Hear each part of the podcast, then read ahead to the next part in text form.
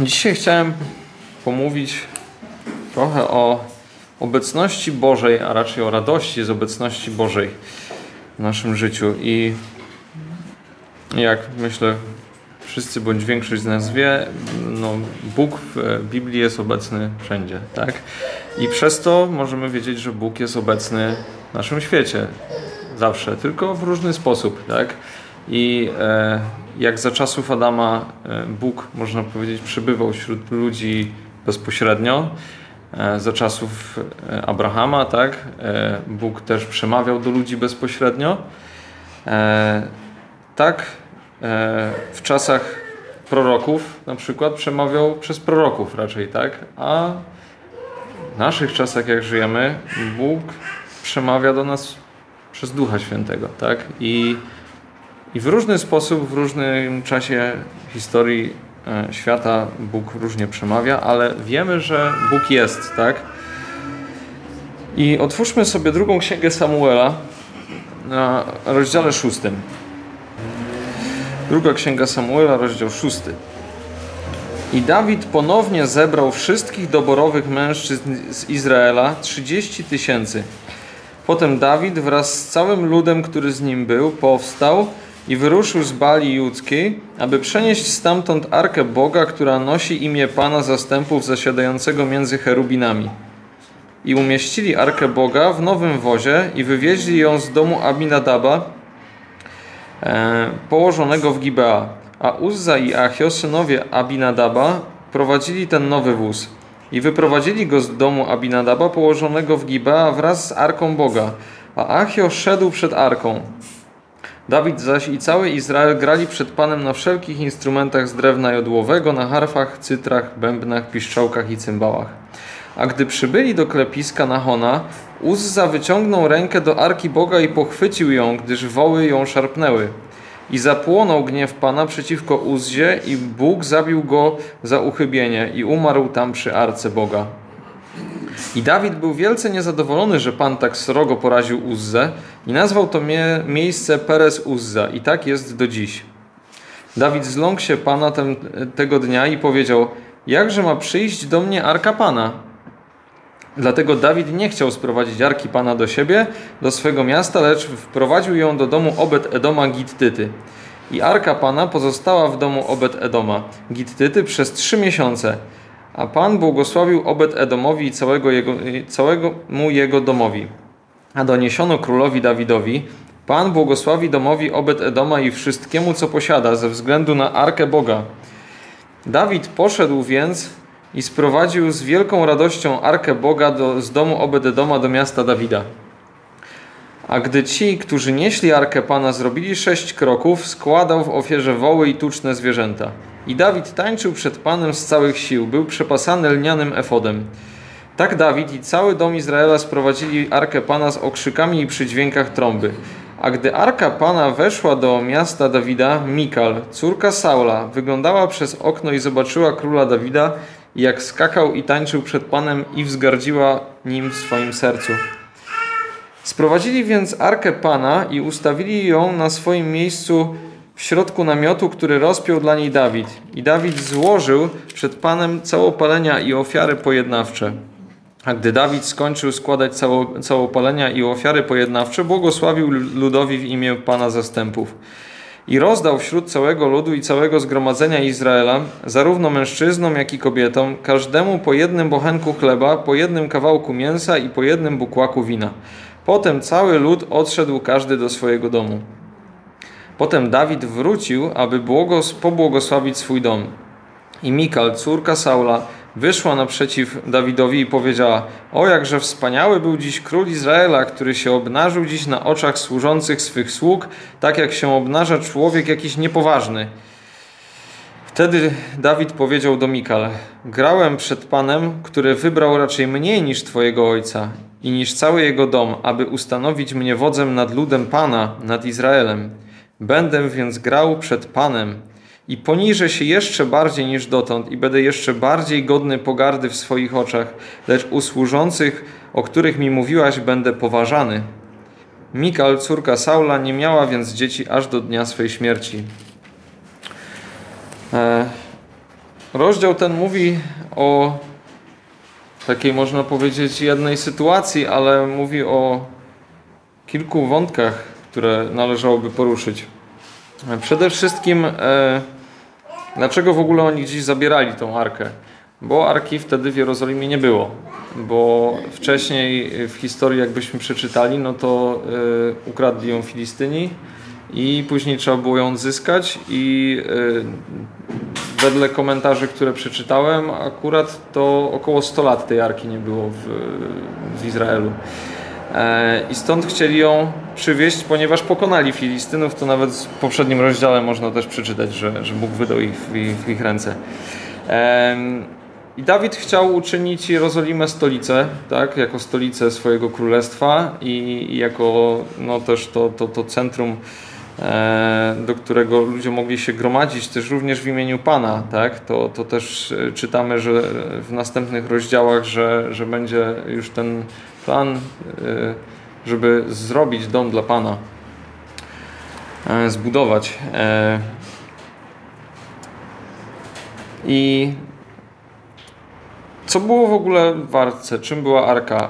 W arce były dwie kamienne tablice z dziesięcioma przykazaniami, tak, które Bóg e, przekazał ludziom jako prawo do przestrzegania. Oczywiście samych przepisów było dużo, dużo więcej, co czytamy w całym pięcioksięgu mojżeszowym. E, ale ważniejsze było również to, co tutaj było napisane w drugim wersecie, która nosi imię Pana Zastępów zasiadającego między cherubinami. E, oprócz tych przykazań, e, Arka była również miejscem, e, w którym Bóg spotykał się z Mojżeszem. Tak, więc e, było to niejako miejsce, w którym było to mieszkało imię Boże e, i było, było w nim obecne. Więc można powiedzieć, że y, my dzisiaj, mając Ducha Świętego, tak, y, obecnego w każdym wierzącym człowieku, e, jesteśmy jakby troszkę inaczej. E, znaczy, można powiedzieć, że nasze postrzeganie może być dziwne, niż, znaczy troszkę inne niż to, jakie oni wtedy mieli, ponieważ oni mieli właśnie tą arkę po to, żeby móc rozmawiać z Bogiem. Tak? No, no Mojżesz właśnie tam to robił. E, i mamy sytuację, kiedy oni ją przenoszą, tą arkę, i transportują ją na wozie, którą ciągną woły. Właśnie tu jest istotny ten sposób transportu, ponieważ e, jakbyśmy sobie e, e, zastanowili się, co się dalej wydarzyło, tak? Czyli Uzza wyciągnął rękę do arki Boga i pochwycił ją, i zapłonął gniew Pana, tak, to można było sobie powiedzieć, dlaczego w ogóle Bóg się tak zagniewał dla człowieka, który chciał dobrze, można powiedzieć, bo odruchowo chciał złapać po prostu albo żeby nie upadła ta arka, albo żeby się nie otworzyła. Więc można powiedzieć, że odruch był dobry. E, ale jakbyśmy sobie otworzyli e, Księgę Wyjścia na 25 rozdziale,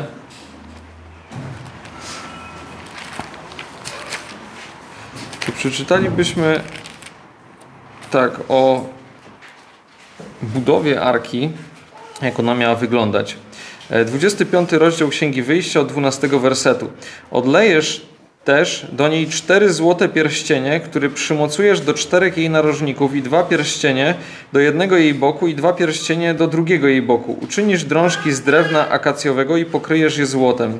I włożysz drążki w pierścienie na bokach arki, aby na nich noszono arkę. Drążki te pozostaną w pierścieniach arki, nie będą z niej wyjmowane. W arkę włożysz świadectwo, które ci dam. Czyli widzimy, że arka przede wszystkim miała być noszona, a nie wożona na wozie.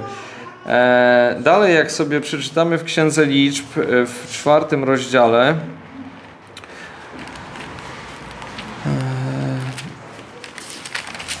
w czwartym rozdziale, w piętnastym wersecie, kiedy Aaron i jego synowie skończą przykrywanie świątyni wraz ze wszystkimi jej naczyniami, gdy obóz będzie miał wyruszyć, wtedy przyjdą synowie Kehata, aby je nieść lecz nie będą dotykać świętych przedmiotów, aby nie umarli. To jest służba synów Kehata przy namiocie zgromadzenia. Synowie Kehata mieli nieść arkę. Nie mogli jej oczywiście dotykać, po to były te drążki, ale nie mogli też na, również na nią patrzeć, ponieważ ona miała być przykryta. I tutaj jest wprost powiedziane, że nawet jeśli oni by dotknęli, to by umarli. A co dopiero jakikolwiek inny człowiek. Eee, Dalej w Księdze Liczb, jeszcze w siódmym rozdziale, szósty, od szóstego wersetu. Czytamy. Mojżesz wziął więc te wozy i woły i oddał je Lewitom. Dwa wozy i cztery wody z, i cztery woły dał synom Gerszona według potrzeby ich służby. Cztery zaś wozy i osiem wołów dał synom Merariego według potrzeby ich służby pod nadzorem Itamara, syna kapłana Arona. Ale synom Kehata nie dał nic, bo ich służba świątyni polegała na noszeniu na ramionach. Nie mieli po prostu to nieść na ramionach. E, w Księdze Powtórzonego Prawa jeszcze znajdziemy, znajdziemy krótki e, werset w dziesiątym rozdziale, e, o, o którym jest mowa, że w tym czasie Pan oddzielił pokolenie Lewiego od noszenia arki, do noszenia Arki Przymierza, Pana do stawania przed Panem, by Mu służyć i błogosławić Jego imię aż do dziś. Czyli widzimy, że po pierwsze Arka Przymierza miała być noszona. Do tego służyły drążki. Nikt nie mógł jej dotknąć, ani na nią spojrzeć i musiała być noszona przez synów Kehata, przez konkretnych ludzi. I patrząc na to, że wszyscy wiedzieli, że jeśli ktoś dotknie, to umrze, no to teraz nie możemy się dziwić, że Uzza zginął, tak? I ciężko mieć pretensje do Boga o taki wyrok, bo Bóg, jak wiemy, jest miłościwy, ale jest też sprawiedliwy. I oni mieli przestrzegać tego prawa. I więc jakby problem był od samego początku, tak? Bo jeśli by przenieśli tą arkę ręcznie, synowie Kahata by to zrobili, to by nie było problemu, Uzza by nie zginął, tak? Bo a tak przez to, że wieźli wołami, coś tam się wydarzyło, e, no i skończyło się jak skończyło. I sytuacja była tak straszna, e, tak Dawid się zląkł Pana, że stwierdził, że ja tego nie biorę do domu. Zostawimy to tutaj, do Obededoma. Gittyty, niech on ją ma. Eee, I co się okazało? Że przez trzy miesiące, jak była arka, Bóg błogosławił Obed-Edomowi. Błogosławił mu tak, że dowiedział się nawet o tym król Dawid. I jak się dowiedział, to stwierdził, nie, nie, no dobra, no to w porządku, to bierzemy ją jednak do siebie. E, I wydaje się, że troszkę to takie śliskie zagranie ze strony Dawida, trzeba przyznać. Ale wydaje się również, że zrozumiał swój błąd. Bo w trzynastym wersecie, może nadinterpretuję, może nie, ale czytamy, a gdy ci, którzy nieśli arkę Pana zrobili sześć kroków, składał w ofierze woły i tuczne zwierzęta.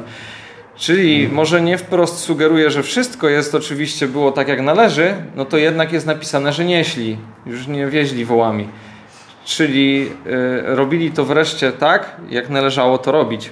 I w jednym i w drugim przypadku y, niesienia, czyli i za pierwszym razem, kiedy próbowali nieść, y, to Dawid i cały Izrael, tam czytamy, że to było 30 tysięcy ludzi w ogóle, czyli no, można powiedzieć spory tłum, grali, śpiewali, radowali się z tego, że ta arka do nich wraca, tak?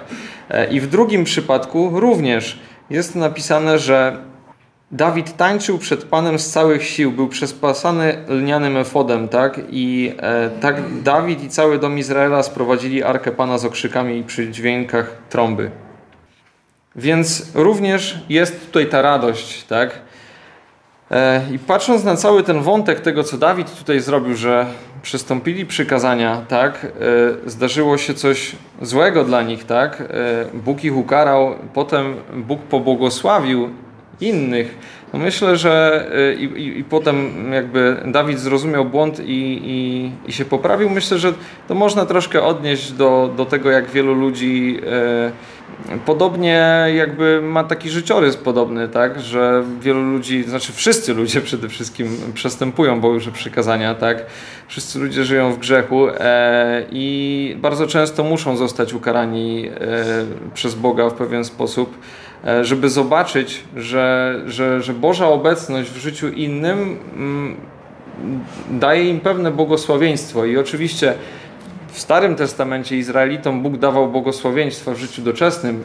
W naszym tutaj czasie Bóg daje nam błogosławieństwo przede wszystkim pokoju, ale najważniejsze to jest to błogosławieństwo, że możemy mieć życie wieczne. I e, ludzie wtedy dopiero zaczynają, oczywiście nie wszyscy, ale rozumieć, że, że aby to mieć, to, to trzeba być posłusznym Bogu. I wielu ludzi nawraca się przez to, dlatego się nawraca w życiowych jakichś dołkach, w, kiedy nie widzą nadziei na to, że można sa, samodzielnie coś zrobić, zdziałać, tak? E, I nie widzą nadziei na jakikolwiek ratunek. Więc ważne jest w tym, żeby wyciągnąć taki wniosek jak Dawid, tak? Zrozumieć, co zrobił źle, tak? Co robił źle, zrozumieć swój grzech i oddać się posłuszeństwo Bogu. I tak, tutaj oczywiście jest mowa o prawie, o Starym Testamencie i które oni mieli przestrzegać. Nas to prawo nie dotyczy, tak? Więc to, żeby była jasność, y, my tego prawa przestrzegać nie musimy, tak? Bo to prawo okazało się oczywiście, ono było wychowawcą, w pewnym sensie było również też przekleństwem dla nich, tak? Bóg jest święty i, i dlatego Izraelici nie mogli dotykać arki. Mm. I teraz jak sobie pomyślimy o tym, co zrobił Jezus, jak przyszedł, jak umarł, jak zmartwychwstał. Ile On zrobił? W momencie, kiedy, kiedy wykonał całe swoje zadanie, e, dając wszystkim przystęp do tego najświętszego miejsca właśnie, do możliwości bezpośredniego kontaktu z Bogiem, e, z Ojcem, do możliwości tego, żeby Duch Święty mógł w nas zamieszkać. To jest coś, co jest nieopisane i patrząc na to, jak oni świętowali, mogąc w ogóle arkę przywieźć, to w jaki sposób my powinniśmy się radować z tego, że Duch Święty może w nas mieszkać. I Uzza zginął, tak, ponieważ dotknął rzeczy najświętszej. E, I to też e, może nam pokazywać jeszcze kolejną rzecz, jaką Chrystus dla nas zrobił. E, Chrystus tylko i wyłącznie On może nas uratować przed tą śmiercią, właśnie. Przed śmiercią za to, że, że, że, że zgrzeszyliśmy. E, I On przyszedł na świat, żeby wziąć na siebie karę za, za, za te grzechy, tak? Żeby przez to, że umarł i zmartwychwstał, daje nam nadzieję na życie wieczne, tak? Daje nam nadzieję tym, którzy w Niego uwierzą, którzy Jemu uwierzą. Dalej, jak czytamy, gdy Arka Pana weszła do miasta Dawida, Mikal, córka Saula, wyglądała przez okno i zobaczyła króla Dawida, jak skakał i tańczył przed Panem i wzgardziła nim w swoim sercu.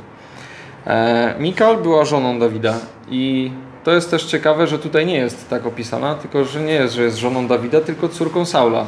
I pier za pierwszym razem i dalej też y, czytamy, że jest to y, tak. Mikal w 20 wersecie też mamy Mikal, córka Saula. Czyli bardziej jest skierowana, że ona była, pochodziła z domu Saula, niż to, że była żoną Dawida. E, zgardziła nim w swoim sercu.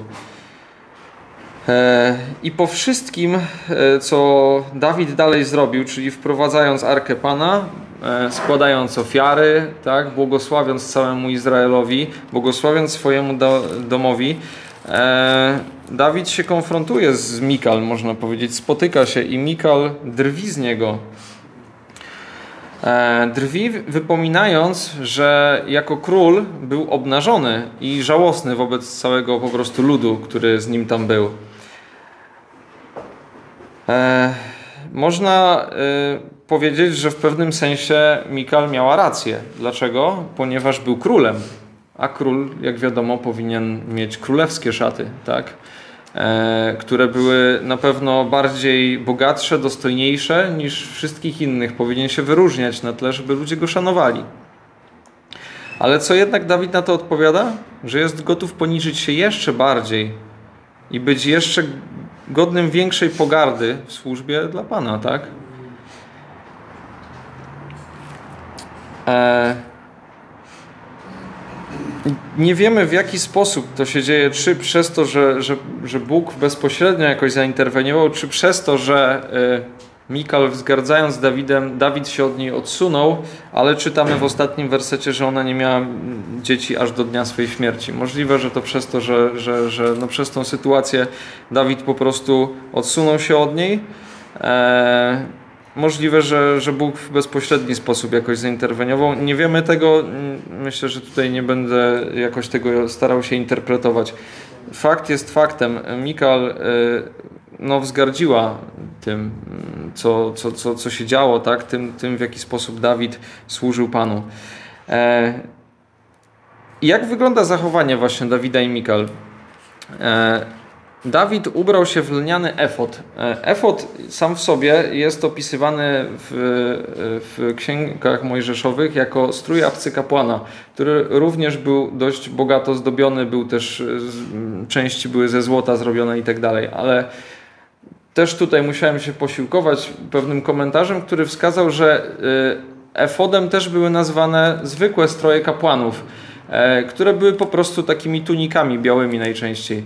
E, I zdaje się raczej, że patrząc na tą sytuację, że raczej Dawid nie był ubrany w strój kapłana, tylko raczej w ten efod taki zwykły, zwykły lniany, e, czyli strój kapłański. I Dawid nie był kapłanem, tylko był królem. E, tak? E, I dlatego właśnie Mikal mu wypomniała to. Ale w jaki sposób tutaj postawa Dawida może dać nam pewne świadectwo i pewną naukę dla nas? Bo skoro wszyscy ludzie, tak, było ich kilkadziesiąt tysięcy osób co najmniej, jak nie kilkaset tysięcy, bo już byli przecież w Jerozolimie, e, widziało swojego króla, czyli osobę najwyższego autorytetu, który tańczy przed arką Pana w zwykłym lnianej szacie, który śpiewa Panu i, i który uniża się przed Nim, to jak wielki musi być Jego Bóg, tego Dawida, skoro On takie rzeczy robi dla Niego. I to jest dla mnie niesamowite, że, że on będąc królem wielkiego, znaczy wielkiego, no wtedy już wielkiego narodu, tak, yy, mocnego narodu, który pokonał Filistynów, był w stanie takie coś na oczach innych uczynić.